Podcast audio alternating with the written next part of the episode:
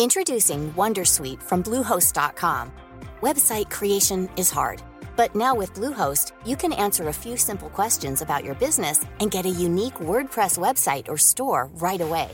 From there, you can customize your design, colors, and content. And Bluehost automatically helps you get found in search engines like Google and Bing. From step-by-step guidance to suggested plugins, Bluehost makes WordPress wonderful for everyone. Go to bluehost.com/wondersuite. Say hello to a new era of mental health care.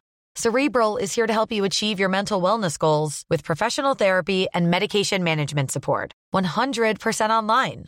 You'll experience the all new Cerebral Way, an innovative approach to mental wellness designed around you. You'll get a personalized treatment plan from a therapist, prescriber, or both in a safe and judgment free space. Your cerebral therapist or prescriber will outline a customized plan with clear milestones along the way so you can get to feeling your best. With Cerebral, you're not alone in your mental health journey. We're here to empower you to live a fulfilling life. So take that first step towards a brighter future and sign up today at cerebral.com slash podcast and use code ACasts to get 15% off your first month. Offer only valid on monthly plans. Other exclusions may apply. Offer ends July 31st, 2024. See site for details. Hey, Dave. Yeah, Randy. Since we founded Bombus, we've always said our socks, underwear, and t shirts are super soft. Any new ideas? Maybe sublimely soft. Or disgustingly cozy? Wait, what? I got it. Bombus. Absurdly comfortable essentials for yourself And for those facing homelessness. because one purchased equals one donated. Wow, did we just write an ad? Yes. Bombas. Big comfort for everyone. Go to bombas.com slash ACAST and use code ACAST for 20% off your first purchase.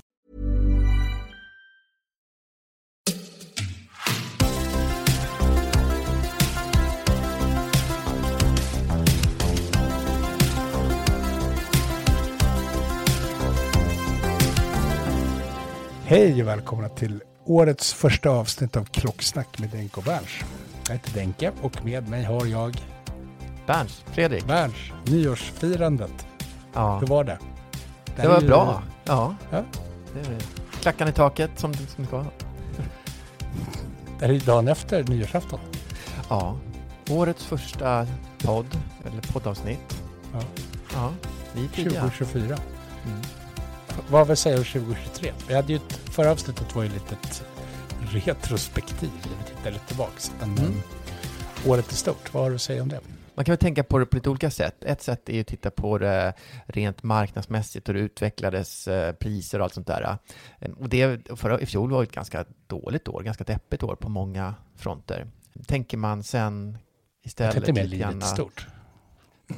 Ja, men, tänk, ja, men tänker man så här lite grann för det privata klock hobbyintresset så ja, men jag tror att mitt har lite grann växlat över eller kanske gått tillbaka till någonting som jag tyckte väldigt mycket om förut när det var lite så här ja, men budget vintage samlandet har jag liksom fått upp ögonen för igen. Så Mm.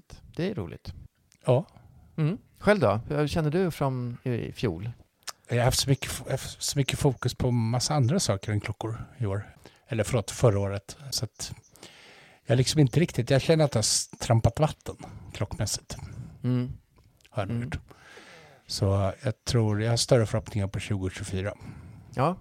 ja, för det är det som är fokus idag ju. Ja, Titta faktiskt. faktiskt. Det, som, det som har hänt har hänt liksom. Ja. 2023. Nu, nu vänder vi blad. Så.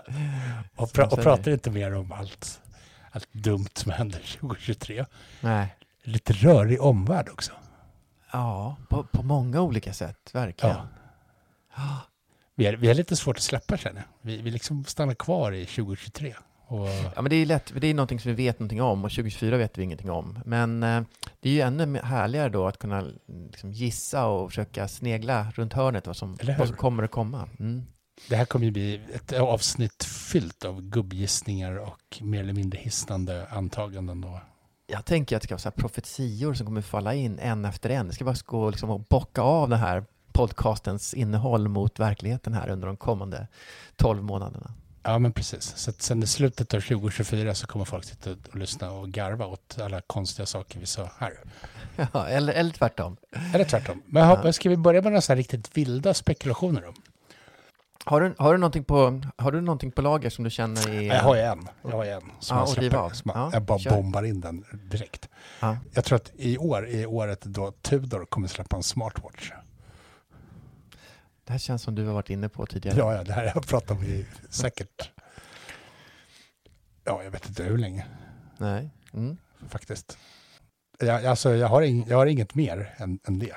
Det är liksom din, ja men jag, okej, det här kanske blir din stora gissning då om, det kommande Mitt- året. Men, Min, stora fail. ja, nej, det behöver inte bli, det kanske är nu fick du rätt.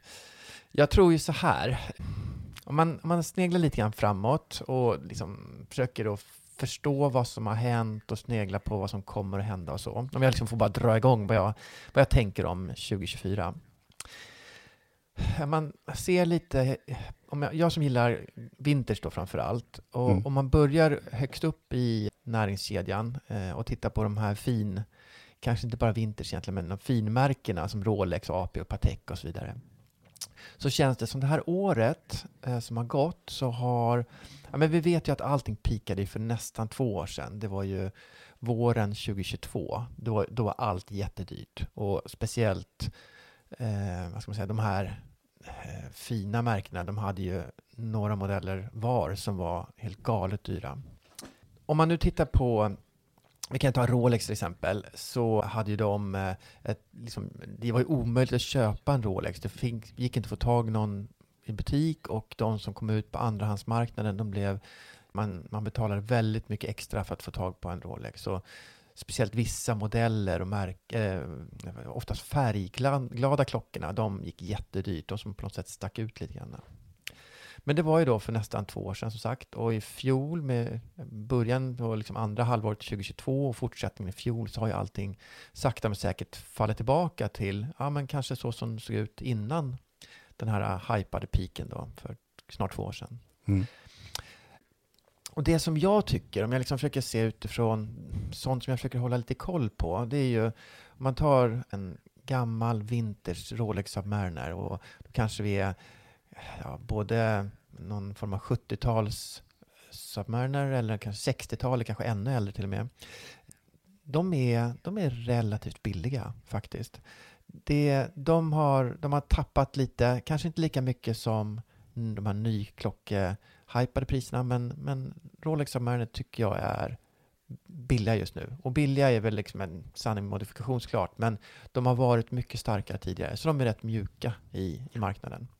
Och då pratar Eh. vi vilka referenser? Alla? Ja, men egentligen så pratar jag om eh, ja, alla, alla Submariner, och det är väl inte så jättemånga, men, men alla de här sport-Rolex kan vi liksom gruppera ihop det till och då kan vi få med oss både GMT och Explorer och lite så. Så Mm. alla, alla de, de, de är lite, lite billiga just nu. Och Mm. det kan man väl se lite grann som en möjlighet då. Och det här tror jag, min spaning framåt är lite grann att 2024, då kommer det dyka upp möjligheter att hitta fina klockor som man kanske lite grann hade gett upp. Tänker jag att om man nu var sugen på att köpa en, säger referensen 5513, en gammal Rolex Submariner, men att den skenade iväg och blev alldeles för dyr för ett par år sedan. Och nu har de kommit tillbaka i pris. Och då helt plötsligt kanske det är möjligt att köpa för den som hade hoppats på att få tag på den tidigare. Mm. Och jag tror ju också att många sitter ju på ett innehav av klockor. Så att när man köper någonting då behöver man också sälja någonting. Och det gör att när de här finaste, även om det kanske inte är för ja, dig och mig att köpa, så betyder det att den som köper den allra finaste, dyraste eh, vintersklockan kanske också måste släppa någonting som är halvdyrt men fortfarande fint. Och helt plötsligt kommer det börja släppa ut massa fina objekt på marknaden. Mm. Och det här tror jag framförallt inom Rolex-världen att där försöker man att, ja, men om man försöker uppgradera sin befintliga, säg att man sitter på en, eh, kanske en eh, 16-1610 från 80 eller 90-talet, alltså en Rolex Submariner med datum, så kanske man får tag och möjlighet att köpa en eh, 1680 från 70-talet, egentligen samma klocka men lite variationer. Eller du kanske till och med får köpa en med röd text och så vidare, så har jag uppgraderat ytterligare steg. Att det finns någon sorts prissteg mellan de här olika referenserna eller olika tid tidperioderna för samma klocka. Och då tror jag att det kommer finnas möjlighet att köpa fina exemplar av kanske en lite mer exklusiv eller dyrare variant av just den klockan. Just det. Så det är min spaning lite grann vad jag tror kommer att hända. Det kommer komma ut fina objekt för egentligen alla typer av samlare. För det här skjuts ju på liksom, ja, vidare ner i, i näringsträdet här. Så det är min, min generella spaning om vintage Rolex. Det kommer dyka upp fina objekt under Mm. året. Eh, så är man intresserad och sugen så är det här ett jättebra år att vara lite grann på hugget. När jag bara tänker rent generellt så tänker jag också att, att eh, vi pratade lite om att priserna håller på och, och rör sig lite neråt. Jag kan väl tänka också att det finns ju ganska många människor som in, ganska många samlare och löst folk som, som, du, som du själv är inne på, där med att man, har, man sitter och har en klocklåda som är rätt välfylld. Det är ju rätt många som har det som faktiskt fyllde på sin klocklåda innan det började bli de galna priserna. Ja. Och det gör väl också att de är väl kanske mer benägna också att kunna gå ner i pris och fortfarande göra någon sorts vinst eller vad man ska säga. Jag menar, köpte du en, köpte du en, en, en eh, 16710 för 45 000 2014 eller 15 Mm. toppskick, liksom komplett med boxar och papper och allting. Ja, den är ju värd mycket, mycket mer. Den kostar ju mycket, mycket mer nu och den kostar ju ännu mer 2022. Mm. Så, men men du har ju ingen förlust från 2022 egentligen. Om du har haft klockan sedan 2014 om du är med. Nej, jag, jag håller med, men jag tror att det finns en, lite psykologi som håller emot där. Det, Jo, det kanske det gör. Men, men vi har varit inne lite på det här förut. Men jag kan ju ändå Ja. tänka sig om du, om du hamnar i ett läge där du kanske måste sälja för att ha råd med husräntorna eller någonting sånt. precis. Då För det- är det ju, du gör ju fortfarande, om du har köpt en klocka för 45 och säljer den för 90 så har du fortfarande liksom gjort en ganska rejäl vinst på den klockan. Mm. Så, och, då, och, där, och, och steget ner till 90 från en värdering på 110, nu säger inte jag att det här är ko- korrekta värderingar av en 16710 utan bara liksom ett matteexempel. Ja. Så då, då är ju så här, de 20 000 kronorna är ju liksom någon sorts förlorad vinst bara. Det är ju inte en, en förlust om du är med. Det är Mm. ju inte pengar som du någon gång själv har lagt ut.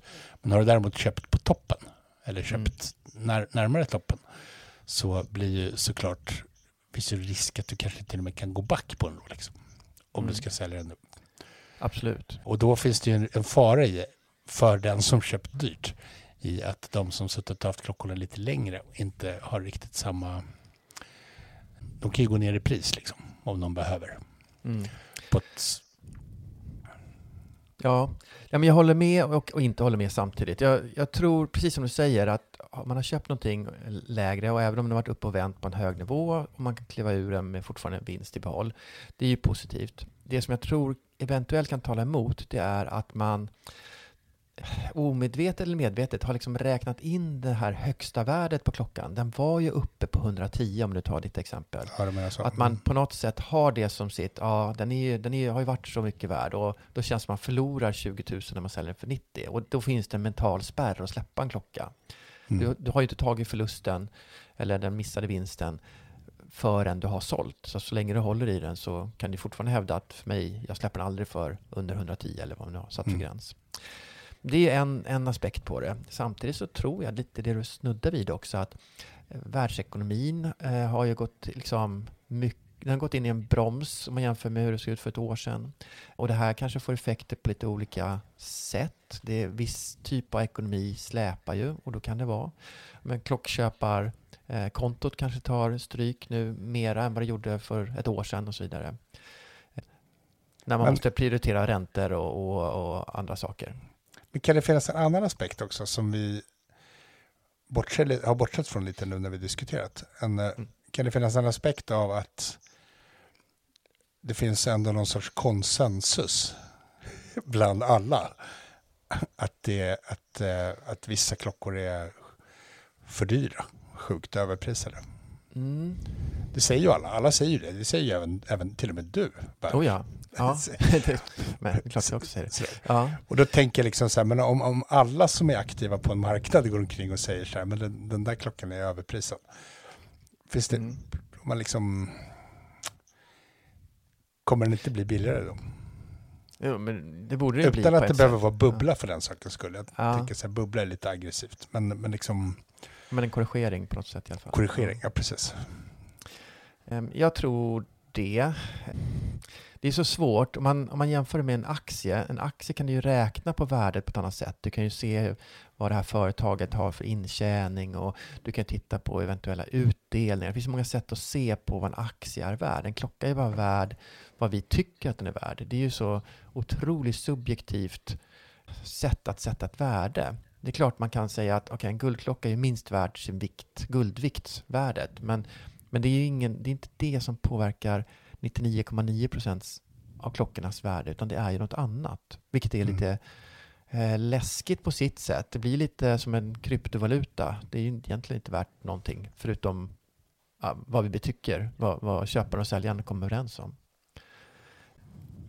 Något som jag skulle vilja lägga till också som påverkar värden, nu kommer vi prata väldigt mycket om pengar och värden här idag, och det är ju att all klockhandels priser sätts i dollar. Och med det menar jag framförallt andrahandsmarknaden, att eh, handeln i USA är så stor och så stark att det är dollarkursen som påverkar priset och speciellt om man tittar i lilla svenska ekonomin. Eh, nu när vår krona här den senaste månaden har stärkts, ja men då är ju helt plötsligt kostar klockorna lite mindre. Det, dollarn kostade ju nästan upp mot 12, i alla fall 11,5 för Mm. ett par månader sedan. Och nu är den nere på 10. Det är ju ganska mycket procent som skiljer. Och det påverkar vad klockorna kostar eftersom det är en internationell marknad. Så det får man inte glömma bort heller att valuta har en del i spelet också. Mm. Och då kan man ju tänka sig framåt. Här. Tror vi att vår krona kommer stärkas ytterligare mot dollarn? Ja, då kommer det påverka priserna. Inte, inte hos eh, eh, de som säljer nya klockor och klockaffärerna. För de har ju sina priser i svenska kronor. Och de, det är klart att de regleras men inte, inte lika snabbt som en, en valutakurs. Då. Eh, så all andrahandsmarknad tror jag om, jag om, man, om man tror, jag tror nog att kronan kommer att tuffa på en stund till. Då kommer också andrahandsmarknadspriserna att sjunka om man tittar på det i svenska pengar. Mm. Och går vi tillbaka, vi håller oss vid Rolex fortfarande här, men pratar just om det här eh, klockförsäljningen i butik. Så tror jag att utbudet kommer öka. Det kommer vara lättare att få tilldelning på, även på de efterfrågade modellerna. Det finns säkert undantag. Jag vet, det går rykten om att eh, GMT-modellerna, eh, alltså de här Pepsi och så vidare som eh, säljs, att de är lite, de ligger efter i produktionen där. Om de har svårt att, ja, jag vet, någon, något rykte sa att de hade svårt att ta fram eh, om det var den blåa eller den röda färgen på vridringen, någonting sånt där. Mm. Som gjorde att de inte kunde producera lika många som de hade tänkt. Och, så just den mm, referensen är väl kanske lite extra svår att få tag på. Men annars tror jag att många av de klockor som har varit lång kö på kommer, kommer liksom komma ut ganska mycket till eh, de olika återförsäljarna. Och då kommer fler och fler få frågan och då kommer det också betyda att priset på andrahandsmarknaden kommer gå ner för fler kommer också att flippa dem när de har väl har köpt loss dem och sådär. Så jag tror ju att ny klockhandeln, eh, där kommer både väntelistan, väntelistetiden att sjunka och även priset på andrahandsmarknaden på nya klockor. Mm. Det är min gissning och det känns, det är ingen, det är ingen högoddsare heller, men det känns ganska rimligt att det kommer att hända. Mm. Med det sagt så det blir också en effekt sådär. Om man nu säger att du har ställt dig på kö på ett par klockor och sen så märker du att fler och fler får möjlighet att köpa och du, kom, du får helt plötsligt frågan kanske på både en och två av dina referenser som du står på kö på. Tidigare var det en no-brainer att säga ja. Man bara sa ja och du visste att bara du gått ut i butiken så har du tjänat pengar på att köpa den här klockan. Mm. Om, om det inte är så nu, då tror jag också fler och fler kommer tacka nej eh, till olika listor som man har stått och väntat på. Mm. Eh, och då kommer jag också ännu fler att få frågan. Alltså samma klocka erbjuds till en ytterligare en person, ytterligare en person. Vilket också påverkar priset såklart. Just. In, inte, ny, inte nypriset i butiken, det är där det är. Mm. Det, det, jag tror vi är långt kvar innan vi kan börja prata rabatter hos AD. Men, men på andrahandsmarknaden som är då någon sorts temperaturmätare på hur heta olika modeller är. Just Mm. det. Det är väl ena delen. Och tidigare, tidigare år så har man ju på nästan alla klockmärkena sett till att eh, hålla en... Eh, man har satt eh, prisökningar på, på prislistan två, ibland tre gånger per år. Det tror jag också inte kommer ske så mycket i år. Nu har vi en... Även om vi haft en inflation som varit ganska hög så verkar den vara ganska bra bekämpad som det känns som. Och ja, så min gissning är att det inte kommer komma så mycket prisökningar i butik heller. Nej. Nej. Eh, ska vi prata något mer om eh, Rolex? Nej, vet, vi kan under... gå över på nästa. Du hade fler märken. Ja, ja, men jag har tänkt lite grann. Precis, om man tar AP som jag också försöker ha lite koll på. Då, jag gillar ju även där vintage, men vintage för min del i AP-världen, det kanske är de här lite semi-vintage, 80-90-talet däromkring. Och när jag pratar om AP för mig så är det bara Royal Oak som är intressant. Jag har lite för tunna armar själv för att kunna bära upp eh, de här offshore-modellerna, även om jag kan tycka att de ibland är lite roliga de här dykarna och så vidare är rätt coola. Men det är coolt på bild och inte på mig. Så känns det. Så att mm. med, med, det sagt så håller jag mest koll på de andra modellerna. För att liksom, ja, jag tycker de är snygga. Så. Och det som hände då här i somras när vi hade eh, den här stora auktionsruschen med 50-årsjubileumet på Royal Oak, eller det var egentligen eh, året innan, eh, 2022, maj 2022 var det det det påverkade faktiskt marknaden efteråt. Jag upplever att Royal Oak är betydligt billigare än vad de bara var för något år sedan. De, de har tagit ganska mycket stryk i den allmänna nedgången, för de var också väldigt upphåsade när det var som, som hetast allting. Mm. Men jag tror att de, de är, det är fel samma sak här att säga billigt, men precis som jag sa om att Vintage Submariner är ganska billiga i jämförelse så tycker jag att nästan alla Royal Oak är billiga nu. Så har man varit sugen någon gång på en Royal Oak så kanske det är läge att liksom hålla ögonen öppna för det dyker upp i alla typer av prisklasser. Då. Det kan vara både såna, de här dyraste eh, referenserna men även de lite billigare. Och framförallt om man kan tänka sig en som är så 33 mm och kvarts och så, som jag tycker är jättefina. Då tror jag att man kan hitta det till rimliga priser helt plötsligt. Mm. Så Royal Oak är förhållandevis överkomligt just nu, om man nu har det i, liksom, i spaning. Och jag tror att det kommer dyka upp fina objekt. Så um, det är väl ett liksom, tips om något under 2024. Kan bli eh, läget när man kan köpa en Royal Oak. Inte för investering, för jag tror den kommer ligga ganska lågt under en lång tid. Men för att kunna äga och ha och njuta av den. Mm. Mm. Så rea på Royal Oak alltså? Ja, det är bra. Det är året där vi reade ut alla Royal, vi, Royal Oak. Och vi, ska, ja. och vi ska översätta det till clickbait. Det måste. Ja, ja, ja, exakt så ska det vara. Prisras på Rolex, rea på. Royal Oak. Ja, ja. Patek då? Ja, Patek ja. ja. Men där tycker jag så här, eh, de moderna eh, referenserna, speciellt då med Nautilus och eh, Aquanaut, de här sportreferenserna, de var ju superhypade också, Q1 2022, eh, och har ju sakta men säkert planat ut och hamnat tillbaka på rim, rimliga nivåer, ska jag inte säga, för det är fortfarande väldigt mycket pengar i de klockorna.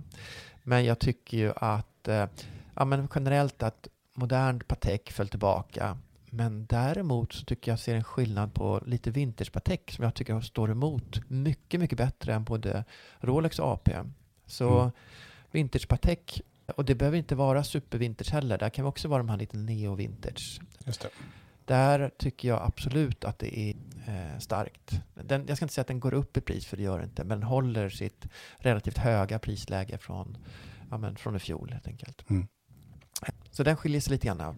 Och det är väl också, man kan, man kan lite fundera på, om man tittar på volymer, nu säger jag saker som jag brukar slänga mig med, men jag har, inte, jag har inget belägg för det. Men någonstans har jag läst och hört att Rolex producerar ungefär en miljon klockor per år. Och tittar man på Patek så har man producerat ungefär en miljon klockor totalt under hela företagets produktionslivstid. Och det gör ju att, då förstår man att det är ganska stor skillnad i tillgången på Patek jämfört med Rolex. Och speciellt om man går till vintage då, så det Just finns det. mycket färre. Och, och, det gör ju då att det behöver inte vara så många som är beredda att betala för en referens, en gammal vintage Patek, för att priset ska hålla sig högt fortfarande. Nej. Till skillnad från om vi pratar Datejust och Rolex där det finns oändligt många. Där påverkas ju inte priset av efterfrågan utan där är det ju bara det, det påverkar efterfrågan. Att det finns så många gör ju att när den eh, blir lite mindre populär då faller den ganska fort för det är svårt att hitta köpare på dem. Mm. Ja. Det är väl det. Det var de tre stora drakarna där eh, som jag tänker. De beter sig lite olika men kanske att det är lite volymdrivet. Och bara för att slänga en AP igen då. Eh, Royal Oak, det är inte jätte eh, AP producerar inte jättemånga, men det är väldigt många referenser som ser likadana ut där, om man ska vara ärlig, när vi pratar om Royal Mm. Oak. Och eh, så att eh, även om de har få av varje referens så, så är det ju samma sak i stort sett. Liten millimeter större eller lite millimeter mindre eller någon detalj hit och dit bara. Så att, där tänker jag att folk ser dem som en, som en referens även om det är många olika.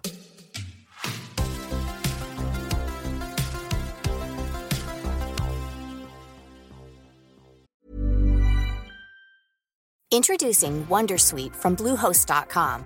Website creation is hard, but now with Bluehost, you can answer a few simple questions about your business and get a unique WordPress website or store right away.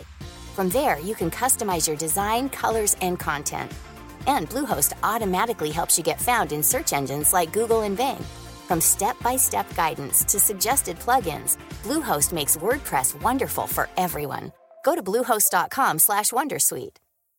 Hey, Dave. Yeah, Randy. Since we founded Bombus, we've always said our socks, underwear, and t shirts are super soft. Any new ideas? Maybe sublimely soft. Or disgustingly cozy? Wait, what? I got it. Bombus. Absurdly comfortable essentials for yourself And for those facing homelessness. because one purchased equals one donated. Wow, did we just write an ad?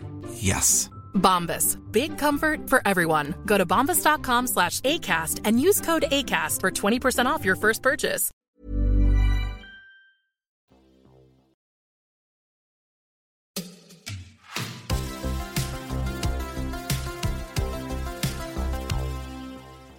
Sen kan vi väl prata om lite allmänna trender också. Vi har ju sett en ganska intressant trend som har hänt inom butiksvärlden i Stockholm. Jag tänker att det är hela världen.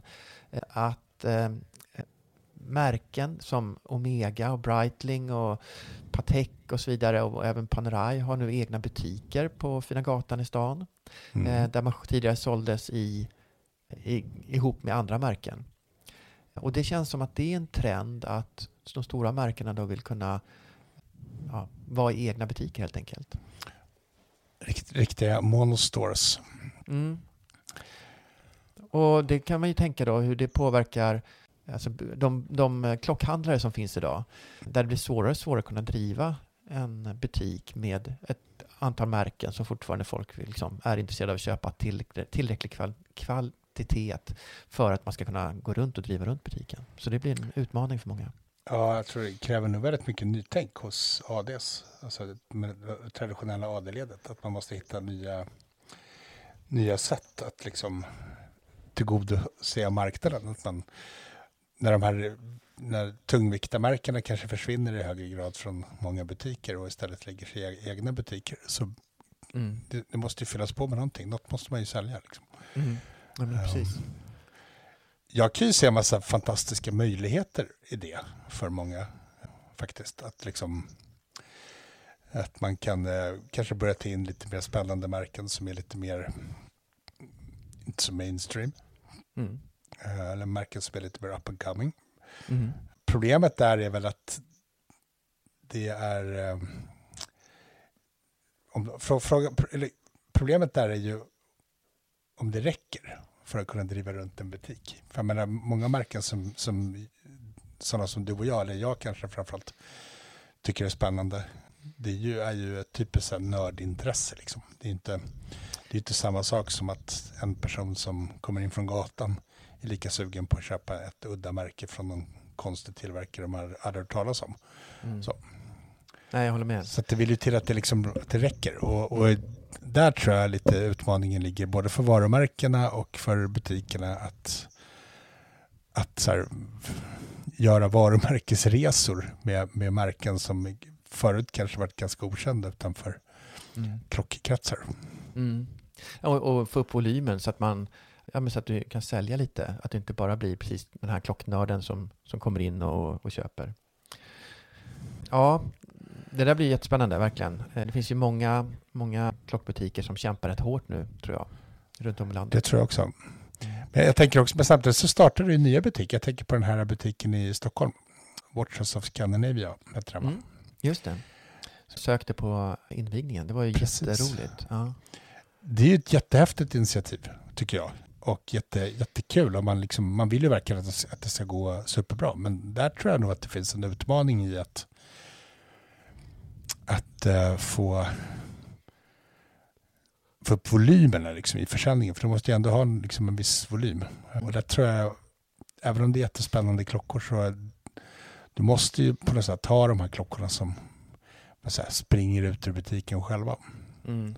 ja, exakt. Så, och det är ju superspännande att se ifall det finns kundunderlag för, för den typen av butik i Sverige. Mm. Det, eller Stockholm.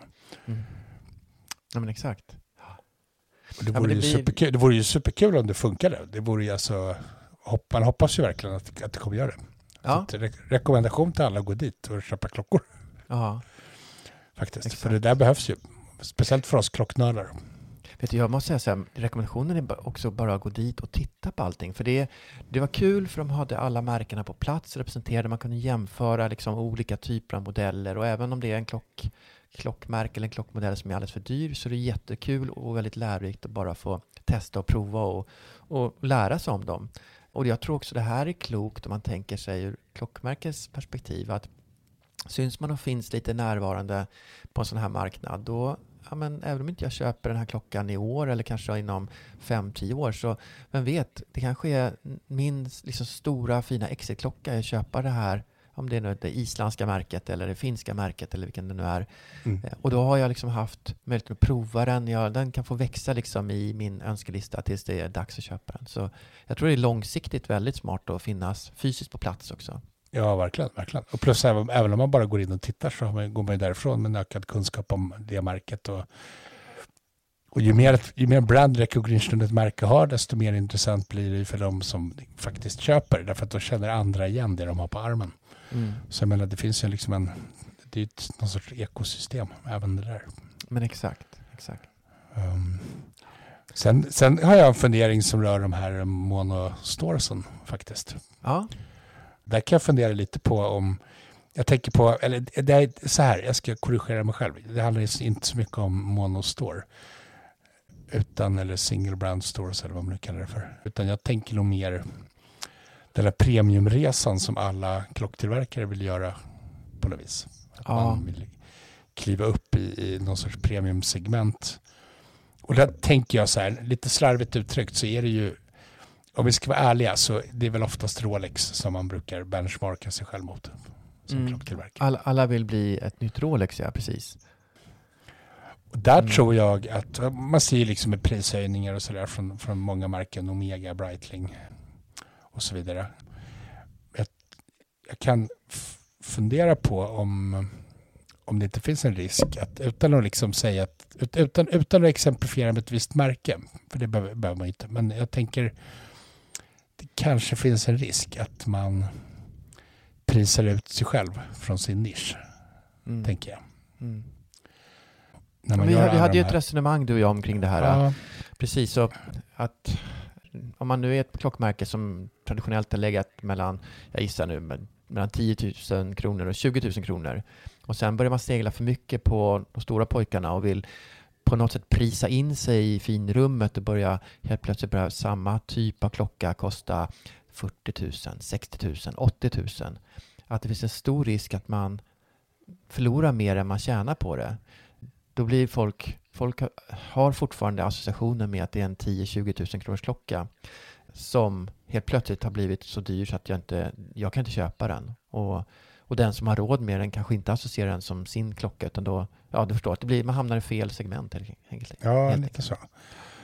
Och det, det, jag- jag tänker också att det kan vara svårt också, för att det finns, speciellt om man benchmarkar mot ett märke som liksom. Rolex, för i, i, åtminstone som, det här, är- det här är väldigt subjektivt, men min, min syn på Rolex är ju lite sådär, jag har både, jag har liksom, det är lite ont skönt, det är lite korpfotboll. Så här, med Rolex. det, är både, det är både jätteroligt fast man får lårkaka. Men det, det jag kan tänka lite med Rolex är ju också så här att Rolex har ju en väldigt, väldigt unik ställning på marknaden. Mm. Som de har haft. Och den har de liksom kanske inte riktigt heller haft. Det är inget nytt heller, utan de har alltid haft det. De har varit väldigt bra på att bygga sitt eget varumärke och sin, sin, vad det är de representerar.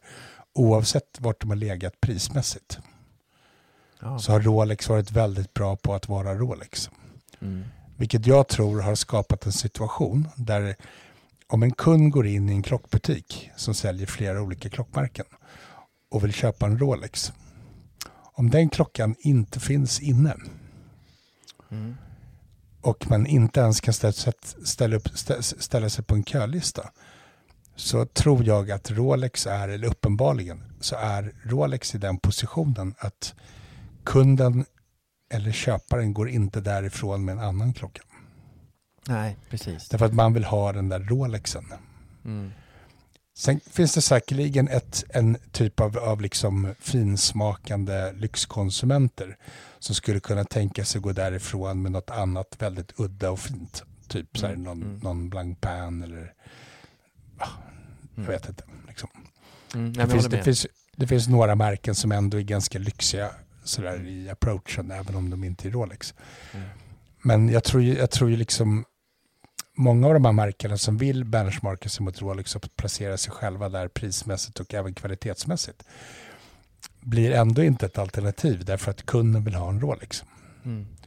Medans, mer, och, och, men om vi då tar bort Rolex helt ur ekvationen så tror jag att om du till exempel ska köpa en klocka av ett annat märke, vill, då kanske sikta in dig på en Breitling eller en Omega eller en vad det nu kan vara, så är nog benägenheten att köpa en annan klocka istället för Mm. Mycket större. Mm. Exakt, där kan man glida mellan märkena på ett annat sätt. Men Ja, Rolex, är, exakt. exakt. Rolex är något annat än klockan. Det är också någon form av statement i sig. Bara, bara märk, det är märket man vill åt lika mycket som själva den fysiska klockan på något sätt. Och, det, och det där tycker jag är rätt intressant. Ja, Ehm, jag håller med. Mm. Och det tror jag också kan vara lite av en fälla för andra märken. Mm. Att man, man liksom... Och jag vet inte, man kanske kan man kanske hamnar där till slut.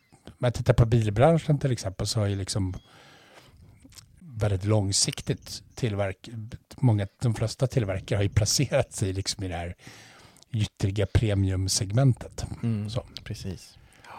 Jag har till och med för mig att Mercedes för, länge, för ganska länge sedan tog ett beslut att de skulle kliva ner från lyx, någon sorts lyxpositionering till att vara premium. Mhm. Så Ja, att man kan ju göra den där resan liksom åt olika håll. Ja. Så, ehm, ja, men verkligen. Ja. men, men där tänker jag att, att just i krockbranschen så, ja, jag vet inte om det där, om det där ger frukt liksom. Nej. För det finns också liksom en liten emotionell, tror jag, en liten, ett, en, någon sorts emotionell, ett emotionellt hinder i att en klocka som för, jag kan, den klocka jag tänker på är ju Speedmaster. Mm. Uh, Omega Speedmaster, det är liksom en totalt 100% legendarisk, legendarisk superhäftig modell på klocka. Som är, Ja. det, är, det är en riktig ikon. Mm. Men det är väldigt svårt att ta in att den helt plötsligt kostar, vad kostar den nu, 90 000? Ja, det är nog. Jag har dålig koll på nypriserna, Ja, men men jag jag tror att det är något sånt. Och det var inte så många år sedan den kostade 45. Nej, precis. Det är en ganska rejäl liksom, prisökning. Det är möjligt att 90 000 är, med, är vad den är värd och inte 45. Jag har ingen aning. Men, men liksom, om du har ställt in dig på att köpa en klocka för 50 000 och sen gnetar du och sparar pengar och så kommer du liksom in i klockbutiken och så kostar den där klockan helt plötsligt 90. Mm. Så tror jag att det kan bli en sån här, det ska vara en bra jävla klocka för att man ska Mm. sms-låna de resterande 40 Faktiskt. för, för att slå till. Så, Ja. eh, där tror jag att det är ganska många som bara, "Ja, men jag tar en Longines istället. Mm. det Ja, är ju jag svår, för Swatch Group spelar det ingen roll för det är ju Long- Longines är ju deras märke också. Men Men, men du har ju mycket bättre koll på det moderna när det gäller just de här typen av eh, saker. Men eh, bara för att alltså jag har ingen ta- aning om det här. Alltså det här är bara liksom min spekulation och fundering. Eh, Jo, men det jag, jag tycker att det stämmer det du säger. Och det jag ville bara tillägga, om man nu pratar om det vintage när det gäller Speedmaster, så Ja. vi var inne och touchade vid det i förra avsnittet när vi klippte in den här skandalen med den bruna Speedmastern som såldes på en auktion och, och så vidare. Det. här är, har påverkat vintagemarknaden på Speedmasters när det gäller de riktigt, riktigt dyra objekten. Så länge man håller sig, ja men kanske runt objekt som kostar upp till 100 000 kronor, då tror jag att det är ungefär samma marknad. Kanske aningen mjukare, men inte jättestor skillnad. Men när det, när det, Speedmaster, liksom kurvan går väldigt brant uppåt när du kommer lite till de tidigaste referenserna. De är, de är väldigt, väldigt dyra. Och speciellt om de är i bra skick och så. Där är det en stor skillnad mot före och efter den här aktionen. Så den Mm. fick stryk av en enskild händelse. Och det här, det här har ju hänt förr i tiden också. Eh, Jag tror inte att Speedmaster kommer repa sig på ett tag. Jag tror att de kommer ligga ganska mjukt. Eh, Mm. Det betyder inte att de kommer falla som stenar. Jag tror att de har fortfarande ett värde, men folk är lite försiktiga. Det ska vara ett väldigt fint objekt för att det ska säljas liksom till en bra, på en bra nivå.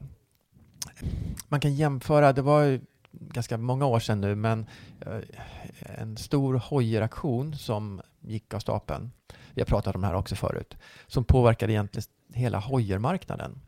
Där den inför aktionen var ganska håsat och det var väl håsat av många hojersamlare som tyckte då att de här eh, olika referenserna av hojer var värda mycket. Sen när de väl klubbades igenom så gick de inte så jättestarkt och efteråt förstod folk att det kanske var lite uppratade priser. Det, var inte, det är inte samma efterfrågan som samlarna trodde. Så, så när det kom ut mycket objekt på marknaden så föll marknaden ganska snabbt för hojer och den har liksom inte riktigt kommit tillbaka. Jag, jag sitter ju alltid och hoppas. Jag, jag tycker verkligen om hojer. Jag har Mm. en gammal hojer som jag gillar väldigt mycket. Men faktum är att de ligger liksom ganska still i det här mellanlandet av vintersklockor. Och så att en sån här aktion när de hamnar lite tokigt eller när saker händer, det kan påverka ganska, på ganska lång sikt. Så det kan man också ha med sig i bakhuvudet när man när saker håsas upp inför, ja men lite grann som Royal Oaken för ett par år sedan eller då hojen eller ja, då var det ju inte något dåligt som hände utan det var bara att det var många objekt som kom ut. Men Speedmastern, då var det något dåligt som hände. Så sådana, sådana saker påverkar marknaden jättemycket på lite sikt. Generellt kan jag väl tycka att jag tycker att det känns lite sunt och lite bra. Att det blir lite, inte så hysteriskt. Ja, jo, men det, Det är var- väl en korrigering såklart liksom av, av någonting. Det värsta är när det kommer in tvivel i en marknad som är Speedmastern. Och Mm. då, då kan det förstöra så himla mycket med charmen att samla på klockor när, när det är risken att bli lurad är för stor helt plötsligt. Ja, men precis.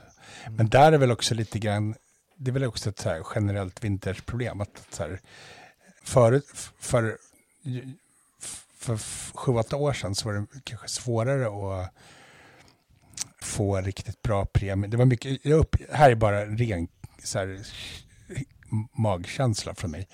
Men jag, som jag minns det så var det mycket större prisskillnad mellan dåliga objekt och bra objekt Mm. för, för 8, 9, 10 år sedan Mm. än vad det, än vad det var ett tag. Ska jag säga. Ja, På precis. ett tag så var det som att allting bara blev skitdyrt helt plötsligt. Ja, ja, Eh, och folk köpte liksom vad som helst. Och då, och då kom liksom alla de här liksom lasersvets eller boetter och det vart grötigare för att det blev mer Mm. pengar i det och det blev mer, mer, mer, vad ska man säga, mer okunniga köpare om man får uttrycka sig så. Lite Mm. vanvördigt. ja, men det var väl också det här fear of missing out, att det gällde att hoppa på det här tåget, för allt gick ju bara uppåt. Så det spelar inte så Ja, stor men roll typ. om det var bra eller dåligt exit. Bara, se bara till att köpa så, så gör du inget fel. Eh, För- och i efterhand är ju det jättetokigt, såklart. Ja, ja men verkligen. Och då, då tror jag så här att risken är väl, det är du även inne på lite, att, att, att nu börjar det komma ut liksom fina objekt som inte är sjukt Mm. prissatta liksom, utan som är Nej. lite mer rimligt. Och det, är det är väl bara sunt. Ja. Och dåliga objekt, ja men så här, det behöver, det, det behöver inte ens handla om att det är dåliga objekt. Det kan ju handla om att det bara är så enkelt som att så här, transparensen är lite större med vad det är man faktiskt har. Mm. Att okej, det här är en klocka med lasersvetsad boett. Och sen är det väl liksom är väl upp till marknaden att bestämma vilken, hur stor roll det spelar. Ett tag så kändes det som att så här, folk bara, ja, den ser Mm. fin ut, den tar vi. Och så Mm. liksom. Ehm, Mm, ja, eh, jag håller med. Eh, något som jag skulle vilja också, om vi ska titta in i spåkulan framåt eh, och ta lite hjälp av historien på vägen. Något som gick bra senaste året och lite mer än så, det är ju faktiskt Cartier. Som Just har det. gjort en jätteresa under en tid nu. Mm. Där jag tyckte inte, man, man tittade inte speciellt mycket på Cartier innan. Sen helt plötsligt så börjar man få upp ögonen för det. Och jag, jag själv är ingen stor Cartier-älskare, men jag kan tycka om märket. Alltså hur, hur känslan omkring Cartier som ett märke, hur man har skött om det, det tycker jag är helt fantastiskt. Mm. Klockorna, är, jag har provat och försökt, men det är inte riktigt för mig. Även om det kanske finns några modeller som jag kan tycka om, men det är inte, det är inte för mig helt enkelt. Har kommit fram till. Nej. Så min spaning för 2024 är att Cartier kommer kanske levla ut. Man har gjort en resa, den har, har redan börjat liksom stabilisera sig. Eh, Jag tror inte att den kommer skena iväg vidare, utan den kommer att ligga där det ligger just nu. Då, då talar vi om generella om, om Cartiers klockor och kanske inte specifika objekt, för det kommer alltid finnas sånt som dyker upp och blir dyrt på en auktion eller något liknande. Mm. Jag har också en annan idé eller tanke som jag tror inför 2024. Och eh, det man kan se många gånger när ett märke går bra, vi kan ju ta några exempel som eh, när Patek Philips Nautilus, Nautilus eh, drog iväg och vart väldigt dyr. Då började helt plötsligt också APs Royal Oak bli väldigt dyra eller sen nästa steg vart på något sätt IWCs Ingenjör och så vidare eller Vacherons eh, klockor. Att, att liksom spillde vidare till, okej jag har inte råd med den här eh, Pateken, då får jag ta näst bästa eller tredje näst bästa och så vidare. I Cartier-fallet så finns det de här Piaget och lite andra sådana märken som flörtar med ungefär samma publik. Jag tror inte alls på dem. Jag tror Nej. de inte kommer följa Cartier. De har inte alls för mig samma härliga aura omkring sig varumärkesmässigt. Och jag tror att de som håsar upp den typen av klockor gör nog mer för att man hoppas att det ska vara ja, men den här som hängde på dragloket. Ja, ja. Eh, Vi kan prata om sådana här saker som Ebel eller lite mer 70-talsfunkiga och så också. Jag tror inte heller på det. Så det är väl min spaning vad jag inte skulle köpa i 2024. Den är Mm. bra. Ja, lite, lite hård kanske, men det min magkänsla säger mig att det, det är inte där jag skulle lägga mina, eh, min, min klock, mitt klockkontos innehåll på. Men jag, jag slänger upp en sån också då. Ja, kör.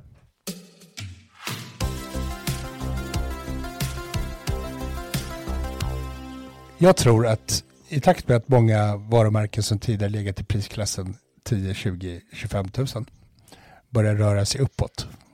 Märken som Longines, Oris, Sjösandström så börjar ta mer betalt för sina klockor och röra sig liksom uppåt. Eller vilja röra sig uppåt. Det gör också att dels tror jag att de kommer få det ganska tufft.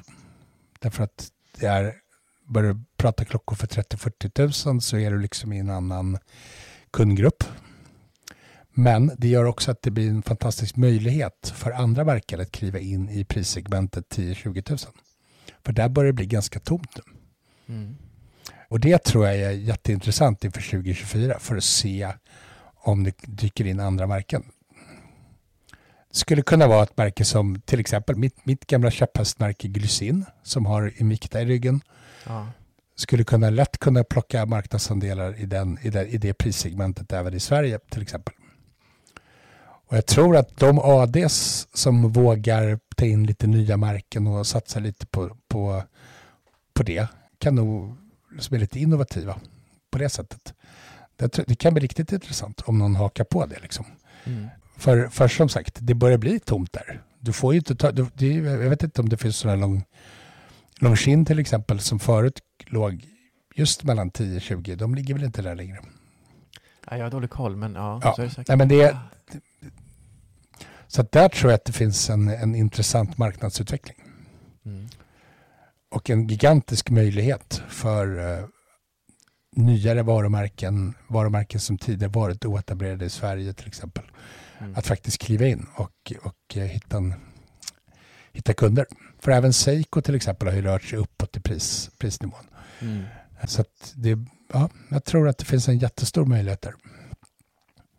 Ja, intressant. Så din spaning är egentligen mm, kanske lite öppet, men eventuellt Glycin eller Sinnen och liknande märke som då fyller den här luckan som du eh, ser i marknaden. Ja, men lite så. Klockor mellan 10 och 20 000. Ja, intressant. Lite så. Och det blir För att- 2024 års eh, vinnare helt enkelt, som du ser det. Jag tror det kan bli det. Mm. För, för den kundgruppen som ligger där, de, det är nog en kundgrupp också som inte riktigt är benägen och jag tror inte de är så varumärkestrogna så att de följer med de andra märkena uppåt i pris, på prisstegen. Jag tror att de liksom snarare vill vara där Ja, och, då, och är beredda att prova nya saker också. För det är inte samma risk heller.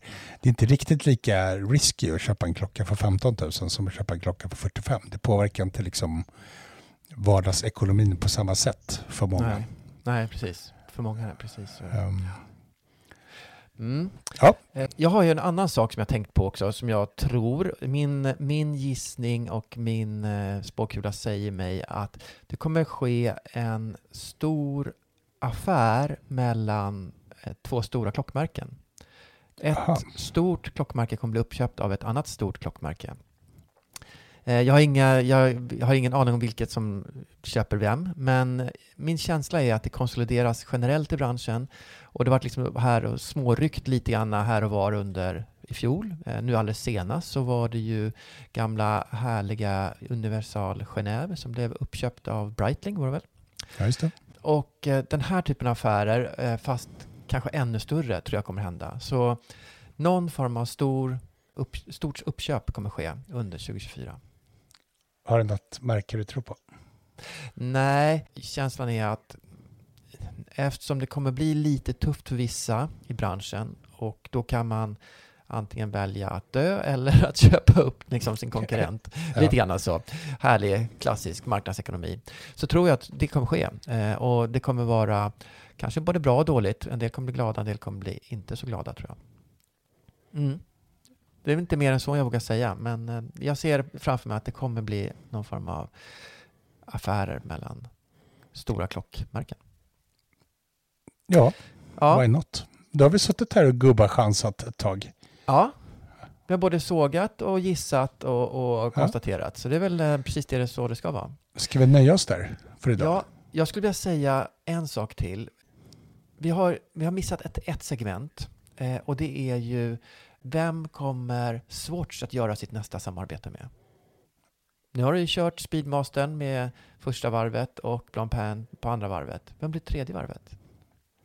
Eller blir det inget tredje varv? Det är en bra fråga. Vad tror du? Mm. Ja, men det är klart det blir tredje varv. Men jag tror att de gör det smart här, Swatch. Jag tror att så här, det jag tänker på med Blancpain, det kanske inte handlar så mycket om liksom att de ska...